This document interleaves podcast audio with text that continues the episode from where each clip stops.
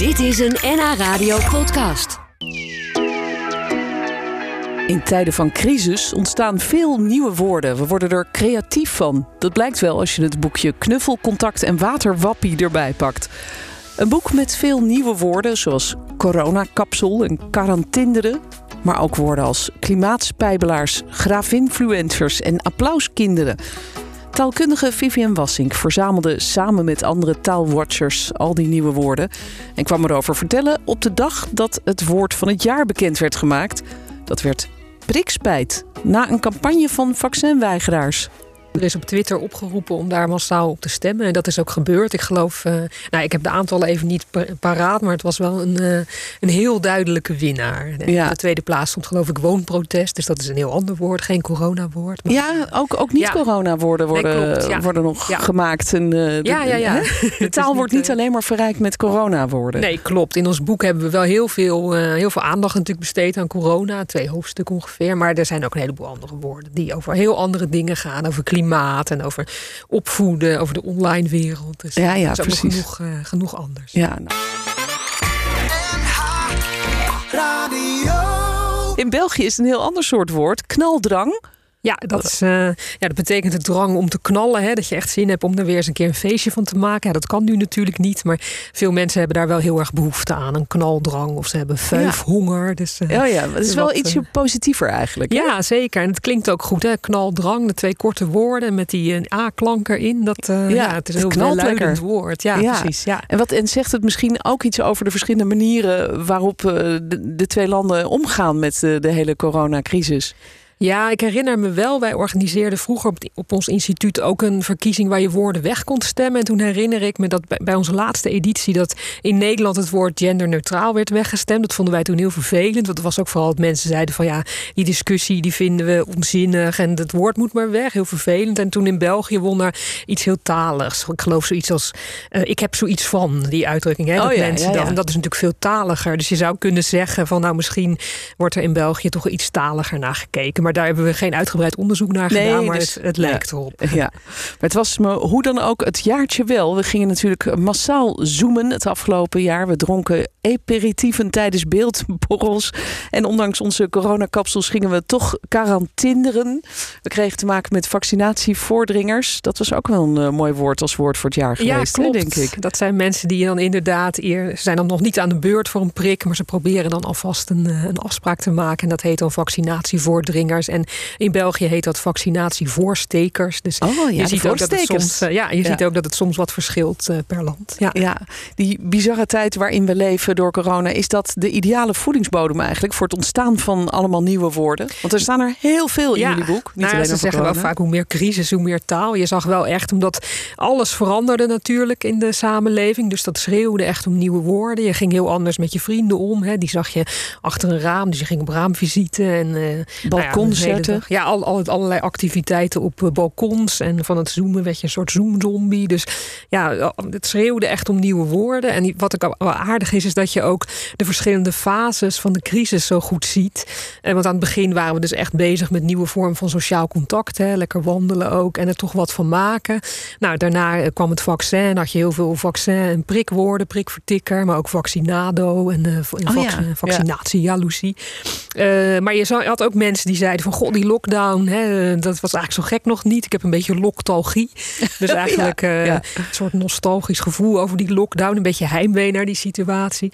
Maar goed, dat was wel uh, na die eerste lockdown. En nu uh, hoor ik juist van heel veel mensen van... oh nee, ik ben heel erg lockdown moe. Dus ja, precies. Ja. En, en, en een mooi woord wat er ook in het boek staat is pandemoe. Ja. Dat vond ik ook wel mooi. Niet pandemie, maar pandemoe. Ja, dat je dat heel zijn erg we pandemie moe bent. Ja, precies. Dat we denk zijn ik er wel. Ja. klaar mee. Maar ja, goed, dat, dat is nog eventjes zo. Maar dan is het wel leuk om te kijken wat het doet met onze taal inderdaad. Ja, zeker. Ja. Ja. Hebben jullie echt het idee dat er veel meer nieuwe woorden zijn ontstaan door, de, door deze hele crisis? Ja, ik denk wel. Er, er, uh, ieder jaar, ieder, iedere dag eigenlijk uh, worden er wel nieuwe woorden gevormd. Maar de laatste tijd uh, gaan die woorden wel meestal over corona. Maar er gebeurt gelukkig ook nog, gebeuren ook nog allerlei andere dingen. Dus je hebt ook heel veel woorden die met de natuur en het milieu te maken hebben. Of woorden die met opvoeden te maken hebben. Of met de online wereld of met uh, zoiets wat wij dan lifestyle noemen. Hè, dat ja. allerlei dingen. Ja, want jullie hebben in het boek eigenlijk uh, verschillende hoofdstukken. Het zijn er tien in totaal. En een, een, deel gaat natuurlijk over corona en over nou ja, de, de, de crisis en alles wat daarmee te maken heeft. De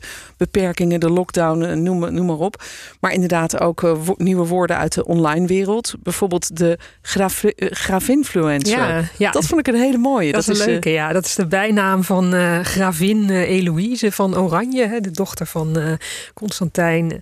En uh, die, die uh, ja, is heel actief op Instagram en is nogal een bekende influencer. En zij wordt dan gelijk gravinfluencer genoemd. En dat zie je veel hè, bij nieuwe woorden, dat het ook vaak het mixen is van twee al bestaande woorden. In dit geval een gravin en influencer. Ja, ik vond het mooi gevonden inderdaad. En, en je noemde net al even het milieu. Daar zijn we natuurlijk ook allemaal enorm mee bezig geweest de afgelopen jaar. Er waren klimaatdrammers, klimaatspijbelaars, klimaatstakers.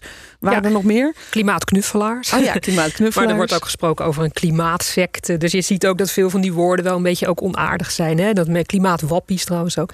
Dat mensen toch denken van, uh, nou ja, ik, uh, heel veel mensen vinden het een beetje onzin, het gezeur over het klimaat. En daar horen dan ook een beetje onaardige woorden bij. Ja, maar woorden kunnen natuurlijk een heel erg een waarde geven. Zeker, ja. Uh, en waarmee je eigenlijk meteen al weet waar degene die het woord gebruikt staat. Ja, dat zie je bijvoorbeeld ook aan het woord wappie. Dat woord bestaat eigenlijk al sinds de jaren negentig. Maar toen uh, werd het vooral als bijvoorbeeld naamwoord gebruikt. Je zei dan van, uh, die, nou die is helemaal wappie of zo. En dat was dan ook iemand die gek was of raar was of onder invloed van drugs of drank of zo. Maar sinds corona wordt het ook wel zelfstandig naamwoord gebruikt. je kan dus iemand een wappie noemen. Ja. Maar het, het aardige is wel voor taalkundig om dan te zien dat er allerlei verschillende soorten wappies nu bij komen. Bijvoorbeeld, je hebt niet alleen de corona-wappie of de virus-wappie, maar ook de waterwappie. Ja, want ja. Dat, die staat in de titel van het boek. Klopt. Wat is dat eigenlijk? Want die ken ik nog niet. Nou, wappie wordt eigenlijk steeds vaker gebruikt in de betekenis voor iemand die uh, onwaarheden of uh, fake news eigenlijk uh, verspreidt. En in dit geval een waterwappie verspreidt dan uh, ja, onwaarheden over klimaatverandering en de stand van het water, over hoogwater en overstromingen. Die trekt eigenlijk ook overstromingen en andere klimaatverandering dan in twijfel. Oh, en die wordt okay. een waterwappie genoemd. Een waterwappie, ja. goed. Die hebben wij dus ook. Nou, leuk. We praten zo nog even verder over, uh, over jullie hele dikke boek. Wat zijn er veel nieuwe woorden of woordcombinaties uh, bijgekomen? Ja. Uh, dat is heel erg leuk om te zien. En dan denk ik ook, we zijn ook wel een creatief taalvolkje toch? Zeker, ja. En het uh, aardige was ook wel dat ingeleefd. En dan ontdek je ook weer allerlei dingen van... oh, dat had er ook in gemoeten. Bijvoorbeeld een besmettingsfeestje. Maar bijvoorbeeld ook bro-rona. Die vond ik zelf heel leuk. Of bro Ja, dat is corona zoals die dan door, door mannen gevoeld zou worden. Want er wordt wel eens gezegd van... Oh. Nou, als mannen iets hebben, dan is dat altijd heel erg. Ja, de manflu, de mannengriep inderdaad. Maar je hebt dus ook bro-rona. Dat is dus de versie van corona, maar dan voor mannen. leuk, die ken ik ook nog niet. Nou, zo staat het uh, boek vol met mooie vondsten. Uh, sommige zullen bij ons blijven, helaas. Andere die uh, zullen op een gegeven moment weer uit ons geheugen verdwijnen. Maar daarom is het goed dat, er, dat ze nu allemaal in een boek staan. En uh, we praten zo verder. Knuffelcontact en waterwappie. Over de kracht van nieuwe woorden en nieuwe woorden. Nou, die kregen we het afgelopen anderhalf jaar er wel in overvloed bij. Dat had natuurlijk alles te maken met corona, maar ook met andere ja, onderwerpen waar we ons veel mee bezig hielden. Zoals het klimaat bijvoorbeeld. Uh, maar hoe, hoe ontstaan die nieuwe woorden? Want je zei net al, het is vaak een soort samentrekking hè, ja. van, van twee, zoals bijvoorbeeld die gravinfluencer. Ja, klopt. Ja, eigenlijk als je nieuwe woorden vormt, dan gebruik je eigenlijk altijd wat je al hebt. Dus in dat opzicht is het ook weer niet zo vreselijk nieuw. En de meeste nieuwe woorden zijn combinaties van twee woorden die we al kennen. We weten wat een raam is en we weten wat visite is, raamvisite, nieuw woord, ja. beeldbellen. Dus de meeste nieuwe woorden zijn samenstellingen, maar je hebt ook woorden, uh, ja, nieuwe woorden die afleidingen zijn. Dat zijn dan uh, woorden die bestaan, bestaan uit een woord, maar ook uit een stukje dat je niet als los woord kan gebruiken. Bijvoorbeeld iets als ontspullen. Hè, dat oh, stukje ja. ont, dat ont. zie je ook heel veel ja. nieuwe woorden. Er staat een hele lijst van in het boek ja. inderdaad. Je kunt ontdieselen. Dat is dus het niet meer aanschaffen uh, schaffen van een dieselauto. Precies, ja. en uh, ont, ontvaderen, ontdopen, ontkopen, ontkopen kan je zelfs doen. Dus, dus minder kopen, ja. Dus eigenlijk altijd gebruiken wat je al hebt. En soms heb je ook dat woorden die al heel lang bestaan, dat we die in een hele nieuwe betekenis gebruiken. Bijvoorbeeld een woord als uh, eerlijk of als groen. Groen is natuurlijk een kleur, maar groen gebruiken we ook al een hele tijd voor milieuvriendelijk. Ja. En in coronatijd had je bijvoorbeeld het woord uitzoomen. Uh, dat werd toen ineens gebruikt uh, in de betekenis even bijkomen na al het zoomen. Dus dat is ook een, ja, eigenlijk een nieuwe betekenis van dat woord. Ja, ja of inderdaad grappige toevoegingen, waardoor een, hè, wat je net noemde, bro-rona. Dat is dus de, de, de, de, de mannen-corona, zeg maar. Ja, want heel veel, in heel veel nieuwe woorden zitten woordstukjes. Hè, dat noemen wij dan mixwoorden. worden twee woorden in elkaar geschoven. Um, en het grappige is dat zo'n woordstukje als bro, dat wordt best wel vaak in nieuwe woorden gebruikt. Bijvoorbeeld in broga, yoga voor mannen, oh. brotox, botox voor mannen. En dus ook in brorona, hè, eh, corona zoals mannen die dan eh, ervaren, of sommige mannen in ieder geval. Ja. En dat is ook wel interessant voor taalkundigen natuurlijk, om te kijken van hé, hey, welke woordstukjes duiken er nou vaker op in woorden. Ja. En dat zie je bijvoorbeeld ook bij gate. Hè. Gate is, uh, is betekent ook al een tijdje schandaal of ophef. Of uh, dit jaar hadden we bijvoorbeeld Olongerengate, hè, toen zij haar aantekeningen niet goed wegborg. En maar ook uh, Omtzigt-gate en Kaaggate. Dus dat, ja. dat is ook heel populair. Ja, is functie elders eigenlijk ook nog opgenomen in het boek? Maar het zijn twee nee, woorden. Nou, we, hebben wel, we hebben wel over, over die, dat schandaal geschreven. Dus maar, ja, en, en echt compleet nieuwe woorden. Dat je zegt van nou, dat was nou dus niet een samenstelling en ook niet een combinatie van, van twee woorden. Of een andere verbuiging van een bestaand woord. Maar gewoon echt een heel nieuw woord. Is dat er ook? Ja, corona, dat, ja. dat kennen we nog niet.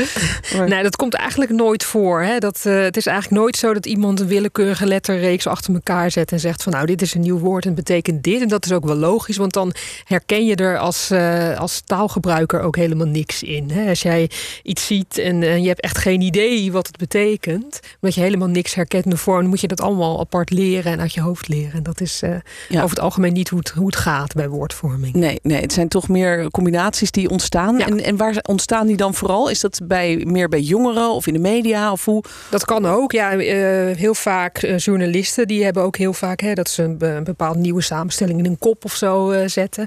Vaak ook uit ruimtegebrek. Maar het is natuurlijk niet zo dat een nieuw woord dan gelijk inburgert. Hè. Dat een nieuw woord wordt, ontstaat altijd ergens. En het kan best zijn dat een bekend iemand of een journalist ja, ja. of een, een, andere, ja, een andere ster of zo dat introduceert. Maar vervolgens moet het dan wel ook uh, overgenomen worden en uh, gaan rondzingen. En als dat niet gebeurt, dan verdwijnt zo'n woord ook gewoon weer. Ja, ja, nou veel woorden zullen wel blijven, denk ik. Zeker als het over corona gaat, zitten we nog wel een tijdje aan vast.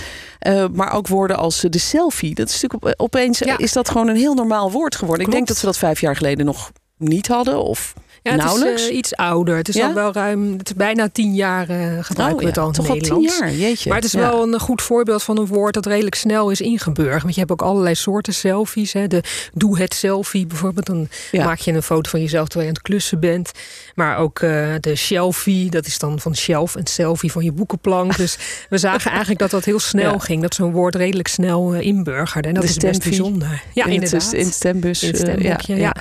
Goed, nou veel woorden zullen blijven veel zullen vergaan. Maar die staan allemaal dan nog in jullie boek. Dank dat je hier was, Vivian Wassing. Leuk om er te zijn. Dit was een NH Radio podcast. Voor meer, ga naar nhradio.nl NH Radio